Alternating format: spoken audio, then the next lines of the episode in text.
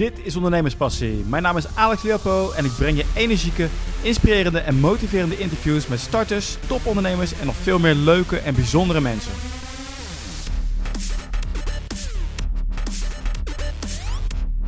Zo, vandaag praat ik met Paul Smit. Hij is filosoof en cabaretier en een van de meest gevraagde sprekers in het bedrijfsleven. Hij heeft inmiddels negen boeken geschreven en in, in december komt zijn tweede film uit. Het gaat over non-dualiteit en de film heet Hoe is Alice? Paul, welkom in de uitzending. Ja, goedemiddag, gezellig. Ja, Paul, ik heb jou leren kennen in, uh, ook bij, via een podcast. Ja. eh, podcast van jou en eh, Patrick Kikker over non-dualisme, Yes. non-dualiteit. Ja. Nou, er waren inderdaad iets van eh, duizend of eh, meer uitzendingen. Nou, het, zit op eh, Iets minder. 266 volgens mij. Zit ik te overdrijven? Ja, Nou, ik het heb is toch het is veel te veel. Ja. Dus jij, eh, je weet echt alles van podcasts af. Ik heb hier heel veel, eh, ik heb ze bijna allemaal beluisterd. Wauw. Dus eh, erg leuk om, eh, ja, het was heel verslavend. En zo ben ik eigenlijk ook in het podcast terechtgekomen. Dus mijn dank daarvoor. Ja, wat leuk dat dat dan zo. Ja. eh, Ik zie wel, Patrick is natuurlijk echt zo'n voorloper met heel veel dingen. Ja. En hij was echt een van de eerste die daarin dook. En mij zei het niks hoor, zeven jaar terug. Maar inmiddels zie je podcasten toch wel een fenomeen aan, ja, is geworden. Ja, erg leuk. Ja. En ehm, leuk dat je in de uitzending bent. Waar ik ook heel nieuwsgierig naar was Mhm. En ben, en daar ga ik nu een aantal vragen over stellen, is jij bent, je was cabaretier, of je bent cabaretier. En je, je hebt een overstap gemaakt naar het bedrijfsleven. Je geeft daar diverse presentaties en seminars. Ja. En naast het non-dualisme eigenlijk. Moet zo? Nou, het is wel een beetje gecombineerd. Ehm, het, het is eh, in het bedrijfsleven minder radicaal dan wanneer ik losse lezingen doe. Ja. Eh, maar dat is ook omdat ja, in het bedrijfsleven hebben ze daar wellicht nog nooit van gehoord.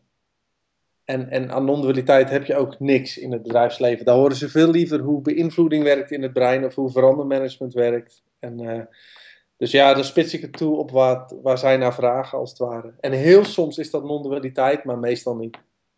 Nee, want ik zie titels voorbij komen als de zeven supercompetenties.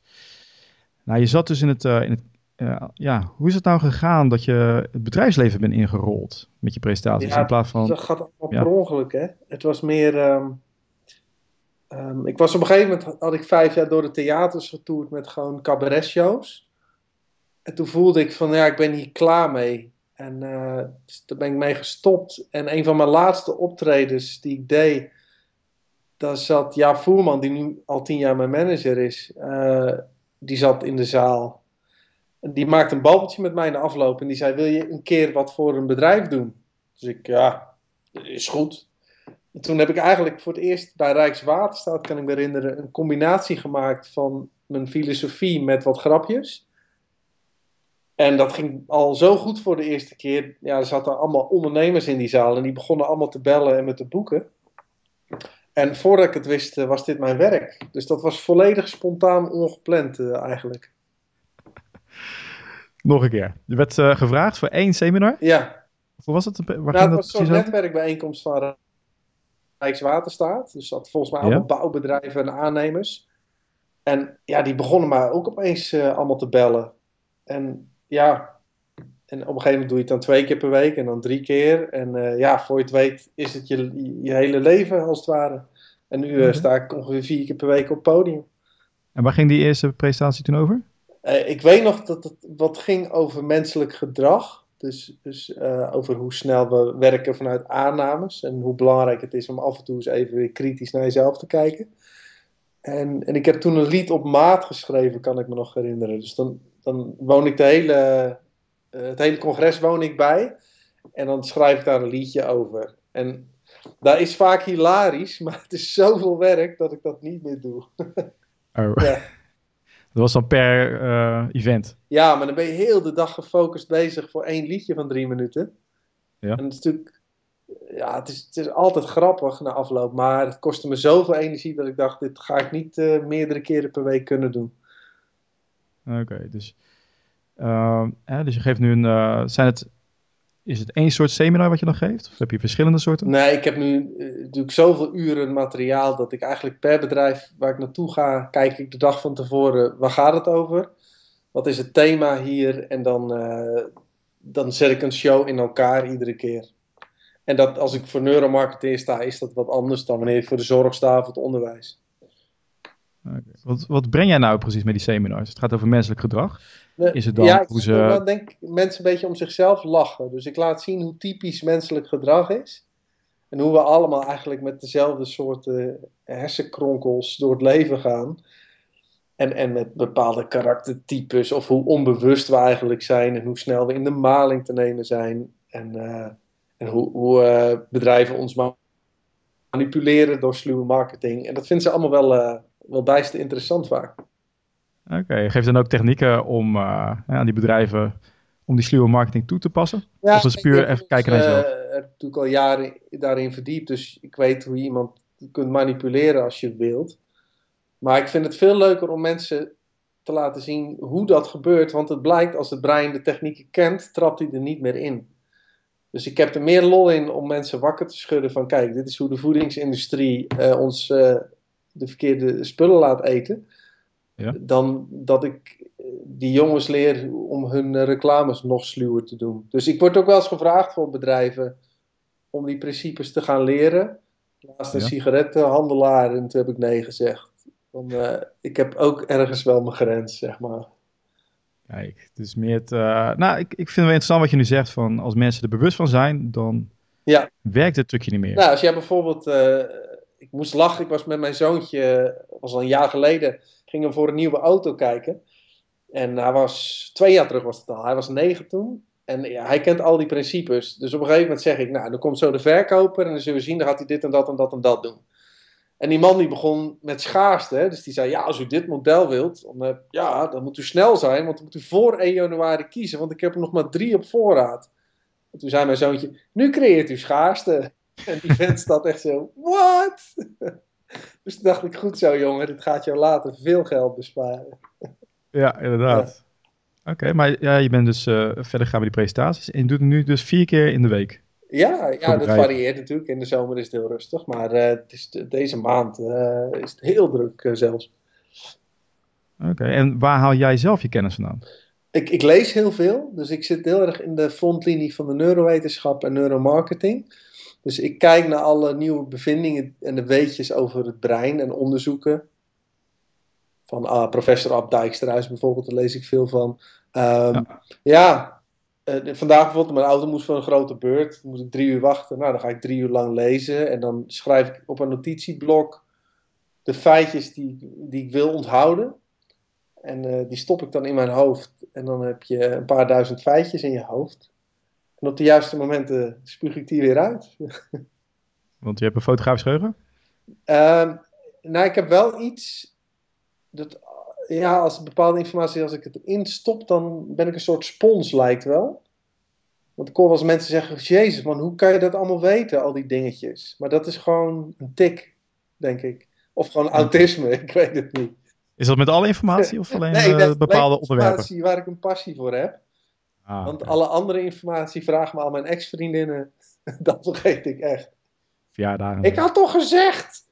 Ja, ja, ja. Bij mijn moeder. Uh, oh ja. en hoe ga jij door het leven met al deze kennis? Want dat zie je dan overal. Um, ja, ik weet niet, misschien een gewetensvraagje, maar uh, beïnvloed jij uh, iedereen die je nu tegenkomt? Nee, nee, nee. Ik, ik heb, ben zelf helemaal niet bezig. Ja, wel als je uh, bijvoorbeeld naar mijn website kijkt, er zit natuurlijk ook alle sluwe marketing wel in. Dus soms pas ik het wel toe. Uh, maar in mijn dagelijks leven ben ik er gelukkig helemaal niet mee bezig. Dat als ik. Nee, ik moet er niet aan denken. Je kan het doen als je een vrouw wil versieren en het werkt allemaal hoor. Maar nee. Ja, nee. Ik wil gewoon. Je hebt, er, je hebt er ook een boekje over geschreven? Ja, ja. Verlichting in de liefde. Dus. Ja. dus um, nee, ik probeer daar ook. Probeer, zeg ik, niet al te veel over te praten. Want als mensen daar ergens mee zitten, dan weet ik al precies op te noemen welke stofje is waar wat doen. ik belde van de week een vriendin om uh, midden in de nacht op met liefdesverdriet. En dan ja, heeft het niet heel veel nut om dan te vertellen welke modules in haar brein actief zijn.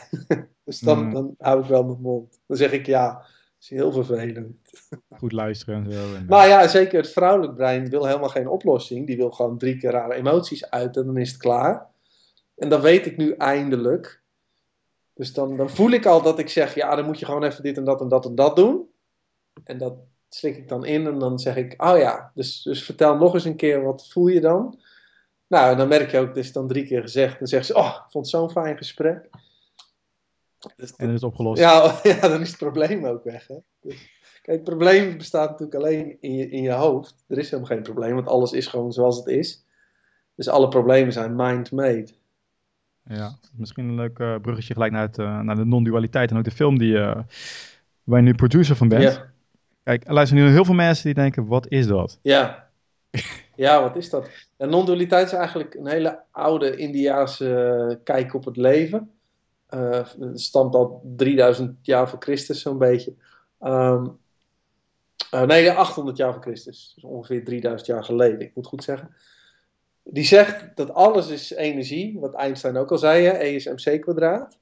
En, en die energie beweegt gewoon in dit universum. Wat inhoudt dat alles beweegt en alles gaat zoals het gaat. Dus uh, sterren vliegen door uh, het universum, uh, de, wind waait, de hond blaft en wij houden een interview. En dat gaat allemaal vanzelf. Um, en wat is het relaxte als als dit inzicht wat integreert, is dat je ziet dat niets in jouw leven ooit anders heeft kunnen zijn dan dat het is. Want het is zoals het is. En de meeste mensen lijden dus mentaal omdat ze denken dat iets anders had moeten zijn dan dat het is. Zoals die vriendin die dan belt met liefdesverdriet. Waar heeft ze dan verdriet om? Is omdat zij denkt dat ze de week daarvoor iets anders tegen de vriend had kunnen zeggen, zodat het nu anders geweest had kunnen zijn. Nou ja, en dan zie je dus, dan, gaat jouw uh, gedachten gaan met jou aan de haal. En dan ga je mentaal lijden. En non-dualiteit, uh, als dat wat integreert, kan dat wat tot rust komen. het had eigenlijk alle, uh, alle de keuzevrijheid die je hebt compleet weg. Van, je hebt dus eigenlijk geen keuze. Nou ja, Dingen gebeuren. Je bent er niet eens. Dus, dus er is niet eens, nu gaan we nog dieper, maar er is niet ja, ik wilde die stap nog niet maken. Gaan we niet doen. Dat gaan we nu. Nee, oké. Nee, nee. Als we in het brein kijken, dan zien we dus dat jouw, jouw onbewuste brein, dat is 11,2 miljoen bits per seconde. Daarin vindt alle activiteit plaats. Dus ook alle keuzes die je maakt, alle woorden die je zegt, dat je je hartslag uh, doorgaat, je spijsvertering, alles. En ons bewustzijn is maar 60 bits per seconde, die komt altijd daarna. Dus als jij net bijvoorbeeld mij hebt gevraagd uh, om over dit onderwerp te praten, vond dat gewoon plaats in jouw brein en daarna word jij pas bewust dat je je deze vraag gaat stellen. Dus dit houdt in dat die vrije wil die we lijken te hebben, dat die er eigenlijk niet is. Ja, je onbewuste maakt de keuze al voor je. En ik ben even het aantal seconden kwijt. Misschien weet jij dat nou, nog. Nou, dat verschilt. Hè. Kijk, op het moment dat ik met jou praat, is jouw bewustzijn heeft een halve seconde nodig om te snappen wat ik zeg. Maar jouw onbewuste brein is al in 0,2 seconden bezig een antwoord terug te formuleren. En, en bij andere keuzes zit er tussen de 0,3 en 0,5 seconden in. Dus dat bewustzijn die tijd nodig heeft uh, om geactiveerd te worden. En, maar er zijn ook al proeven dat het 6 tot 10 seconden van tevoren is. Dus het ja. varieert nogal. Even voor de, voor de mensen die luisteren, die misschien schrikken. Ja, ze kunnen nu met uh, instrumenten in het laboratorium kunnen ze bekijken van, uh, kunnen ze al voorspellen wanneer jij een keuze bewust maakt. Ja. En dat kunnen ze, de 60 seconden van tevoren weten ze al, kies jij links of rechts. Ja, als je op een knop drukt bijvoorbeeld. Ja, ja. ja. klopt. Ja. Dus dat heeft nog wat impact voor, hè? dus de mensen die denken van ja, ik maak alle keuzes bewust. Bijna alles gaat gewoon, of uh, ja, alles gaat dus onbewust. En daarom heb je ja, eigenlijk veel minder invloed op dan dat jij denkt. Ja, en die neuromarketeers smullen daarvan, want die weten nu hoe ze ons onbewuste brein kunnen manipuleren uh, en dan lijkt het voor jou alsof jij ervoor kiest om bijvoorbeeld een bepaalde auto te kopen, terwijl die verkoper echt wel weet dat hij erin heeft geluisterd. En dat is natuurlijk best tricky business. Ja. Is dat ook de reden waarom je, uh, je hebt nu twee films gemaakt, ja. uh, dat je daar zoveel over praat? Of dat zo in, in een film giet? Um, een soort waarschuwing. Nou ja, waar, die, ja, die, die poeh. Kijk, als ik nu ga verklaren waarom ik die film maak, ga ik dus ook weer achteraf met mijn beperkt bewustzijn proberen te achterhalen waarom ik iets doe. Als ik heel eerlijk ben, weet ik dat helemaal niet. Als je bijvoorbeeld vraagt waarom heb je ja gezegd op dit interview, dan kan ik prachtig verhaal verzinnen, maar, maar dat is geen populaire gedachte. Maar eigenlijk weten we dus niet waarom we iets doen. Dat zijn allemaal subjectieve verklaringen achteraf. Ja. Uh, dus ook met deze film, ja, als ik dan terugkijk, kan ik alleen maar wat zeggen over. Had ik een goed gevoel bij, of ik kwam de juiste mensen tegen. En Maar eigenlijk weet ik het niet. Ja, inderdaad ook. Uh, nou, leuk dat je zegt, want er zijn dus ook van die studies inderdaad van uh, je maakt onbewust die keuze en achteraf gaan we verzinnen we een reden erbij. Ja, dat noemen we in de psychologie. Om het goed te praten. Uh, noemen we dat cognitieve dissonantie. Wat inhoudt dat, ja, iedere therapeut weet dat. Degene die in je stoel zit, probeert de hele tijd door over het algemeen verhaaltjes te verzinnen om het eigen gedrag maar in een goed perspectief te zetten. En, en om degene met wie je bijvoorbeeld ruzie hebt, die is natuurlijk altijd de slechte en jij bent de goede. En we proberen alles voor onszelf dan achteraf recht te praten. Nou, wat is nou een mooie portaal waar je mensen heen stuurt om hier meer over te, over te weten te komen? Er zijn heel veel, heel veel informatie inmiddels over non-dualiteit. Ik heb natuurlijk met Patrick samen non-dualiteit.nu. Ja. Dat, dat is wel een redelijk grote website geworden. Uh, maar er is heel veel te vinden. Er zijn heel veel boeken ook in, inmiddels. Dus het is best wel een. Uh, sinds de opkomst van het internet is deze zienswijze heel erg verspreid geraakt eigenlijk. Oké, en uh, jouw nieuwe film, waar gaat die precies over? Kun je daar al wat Ja, ja dat, is, dat is een, een comedyfilm, Engelstalig. Um, en daar zit ook deze zienswijze in verweven. Maar, maar niet op een belerende wijze. We maken, ja, we maken er meer een beetje grapjes mee. Dus het gaat bijvoorbeeld, een van de verhaallijntjes is een, een, een autoverkoper die dan uh, faalt. En die wordt dan spiritueel leraar. Dus die gaat ook zijn websiteje beginnen en geeft zichzelf een Indiaanse naam en dat soort dingen. Dus uh, ja. Gaat hij een beetje hetzelfde doen? Eigenlijk. Als de autoverkoper, maar dan op een auto. Ja, ja, die Wanneer, spiritualiteit, zeg maar. En, uh, ja. ja, maar je zei het ook wel eens, hè? Al die gurus die nog steeds een groot ego hebben. Eigenlijk. Ja, maar dat ego gaat niet weg. Dat is een grote misvatting. Uh, iemand die, die, die zegt dat hij vrij is van zijn ego, is alleen nog maar een groter ego. Want die denkt dus dat hij iemand is die beter is dan de rest, doordat hij iets niet heeft. Dus ik, ik neem al ook mezelf, trouwens, neem ik allemaal, en die leraren allemaal met een hele grote korrel zout. Want uiteindelijk zijn het allemaal gewoon narcistjes op een podium die het weer denken beter te weten dan de rest. En een mooi gewaad. En een mooi gewaad en lekker vroom kijken en, en doen alsof je zelf ontzettend liefdevol bent. En... Maar ik ken ze bijna allemaal. Ik heb zelfs met één samen gewoond. het maakt allemaal geen ene donder uit. Het enige wat kan verschillen is dat mensen wat lang, minder lang in een bepaalde mentale kramp blijven hangen. Omdat je gewoon ziet, dit is wat het is, het kan nooit anders zijn. Maar voor de rest, al je emoties, je frustratie, angsten, pijntjes, verdriet, het gaat allemaal gewoon door. En nu weet ik dat er zijn gurus die zeggen dat ze ontzettend vrij van zijn. maar ja, dat is ook cognitieve dissonantie. Ja, precies. En dan altijd een reden verzinnen achteraf. Voor die uitschieter. Ja, en voor die ene uitschieter. uiteindelijk wordt het een onder tijd ook weer zo'n filosofisch uitvluchtmiddel. Hè? Dan zeggen mensen, ja, er komt nog frustratie op, maar die is niet van mij. Er verschijnt frustratie in bewustzijn. Geloof me, moet je maar eens ruzie maken met je partner en dan dat soort taal gaan uitslaan. Nou, dan gaan echt de borden door de kamer vliegen. Daar kom je niet mee weg. Ja, ik, ben heel, uh, ik ben echt heel benieuwd naar die film. Um, even zien. Ik zal ook een aantal linkjes plaatsen. Maar je hebt een aantal websites. Die uh, plaats ik bij mij in de show notes. Dus als mensen, als jullie uh, meer willen weten over non-dualiteit, over de film. Of als, als bedrijven jou willen boeken. Ja. Dan kunnen jullie daar ook terecht. ik vind non-dualiteit een heel leuk onderwerp. Maar dat ben ik. Wat ik al zei, ik heb al heel veel erover gelezen. En ik raad het ook iedereen aan om daar in ieder geval naar te kijken. Nou, het is wel, het is, ik vond vooral toen het me voor het eerst raakte, het zet wel even je wereld op zijn kop.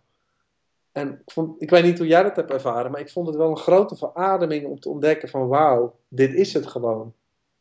Het is wel het einde van de zoektocht, vind je niet? Nou, ik ben er nog niet helemaal uit, maar dan, dan ben, ik ben weer die ene die dan die eigenwijze vragen stellen. Heel goed. Zoals, uh, dan ben ik weer van, heb je nou uh, wel invloed op je onderbewuste als je het een bepaalde kant op stuurt? Maar ja. Um, dus ik, ben, ik, ik, laat hem nog niet helemaal los dat ik helemaal Nee, nee, kijk, de, de misvatting is... Um, er vinden twee realiteiten tegelijk plaats. En dat is de grote misvatting van non-dualiteit. In de Matrix beelden ze dat mooi uit met de rode pil en de blauwe pil. Ja? ja en dan die, die rode pil is zeg maar totaal uitzoomen en dan zie je dit is allemaal één energie en die beweegt. En het kan nooit anders zijn dan dat het is. Ja. Alleen wij leven in die blauwe realiteit. Dus, dus het lijkt voor jou alsof je jou bent en voor mij alsof ik ik ben. En het lijkt ook alsof ik er nu voor kies dat ik zeg wat ik doe. Of dat ik, dat ik eh, ervoor kies welke woorden ik spreek. Maar dat, Ja. als je dat gaat ontkennen, dan word je gek. Want dan zeg je, ja, ik heb geen enkele invloed, dus, dus eh, ja, het maakt allemaal niet uit. Nee, ik zeg altijd, alles gaat zoals het gaat. Maar wat ook is, dat het gewoon lijkt alsof jij degene bent die het doet. En dat moet je ook volhouden, want dat blijkt nu ook wel uit allerlei nieuwe eh, wetenschappelijke onderzoeken. Als je tegen mensen zegt, joh, je hebt toch geen vrije wil en het maakt niet uit, worden mensen nihilistischer, gaan minder goed presteren en zetten zich minder in voor dingen. Ja, dus klopt. ik zeg het is en en, ja, alles gebeurt zoals het gebeurt. Maar binnen het verhaal ben je nog steeds verantwoordelijk voor je eigen keuzes, je gedrag en de hele mikmak. Ja, dus het is zeker niet van, oké, ga maar niks doen. Nee, want ja, natuurlijk heb je invloed op je eigen gedrag binnen de blauwe realiteit, laat ik het zo zeggen. Ik, doe, ik wil ook meer sporten en, en minder drinken en gezonder leven. En nou heb ik een Excel-sheet gemaakt met een schema. Want ik weet, alles wat ik in mijn bewustzijn douw, eh, heeft een grotere sturing dan wat ik onbewust laat gebeuren. Dus die Excel-sheet zorgt ervoor dat iedere dag mijn bewustzijn daar naartoe wordt getrokken. En die ziet dan, oh, ik moet vandaag nog even hardlopen en nog een stukje fietsen. En dan doe ik dat dus veel vaker dan wanneer ik het niet zou doen. Maar dat besluit is ook onbewust genomen. Eh, ja, dus vanuit Dus, de eh, rode realiteit is dat helemaal waar. Hè? Dat gebeurt ook allemaal vanzelf en onbewust. Alleen doe, ik ervaar het wel alsof ik dit doe. En als die, Ja. die ervaring ontkennen, dat is hetzelfde als, als wij weten dat de, de zon niet om de aarde heen draait. Toch lijkt het wel zo. Maar als jij naar de zonsondergang kijkt met je vriendin, slaat het ook nergens op als zij zegt: Oh, mooi hè, die zonsondergang. Dat je zegt: Ja, joh, die gaat helemaal niet onder. Dat is gewoon optisch bedrog. Nee, je ervaart gewoon dat die ondergaat. Dus, dus en, en dat is waarom ik een beetje met die non-dualiteit, om met die hele scene klaar ben, is dat iedereen in zo'n bepaalde Advaita shuffle blijft hangen. Iedere keer een beetje corrigeren Ja, van, eh, nee, nee, ja, nee. er is niemand. En, eh, Je bent niks, je bestaat niet ja, eens. maar dat is, Dat. dat is allemaal mentale uitvluchten zoeken, joh. Dus, eh, dus ik- daar ben ik niet zo van. Oké, nou ik... eh, mensen zijn misschien afgehaakt of die denken, we gaan het Ja, over? dat kan. Kijk, nu weer een Het heeft ook hele praktische toepassingen. Ik zou er gewoon veel over gaan lezen. En het maakt in ieder geval dat je veel minder gestrest raakt in je Ja, leven. dat sowieso. Het wordt veel relaxer en het is sowieso goed om te weten hoe werkt je brein, omdat je anders eh, jezelf heel veel, van heel veel dingen de schuld gaat geven, terwijl het zo, gewoon neurologische processen zijn. Ja, alles is een neurologisch proces. Ja. Dus eh, ja, Paul, ik, eh, ik ga hem hierbij afsluiten. Yes. Ik denk dat mensen misschien in, een- in een shock raken, Dus maar ze kunnen, ze kunnen bellen voor nazorg. ja, precies. Stichting Correlatie bellen. Dus hartelijk dank en ik laat de mensen zeker weten als die film uit is. In december gaat, gaat die uitkomen? Begin december is de planning. Ah, Oké. Gaan we. Hey Paul, dank je voor, de, voor het interview. Ja, graag gedaan. En eh, jij zet hem op jouw website? Ik zet hem op mijn website en ik stuur je een eh, linkje. En, eh, Zeker weten. leuk. We zijn heel benieuwd naar wat jullie vinden van Ondernemerspassie. We zouden het dan ook super cool vinden als je je abonneert voor ons in iTunes. Het zou nog gaver zijn als je dan ook nog een leuke review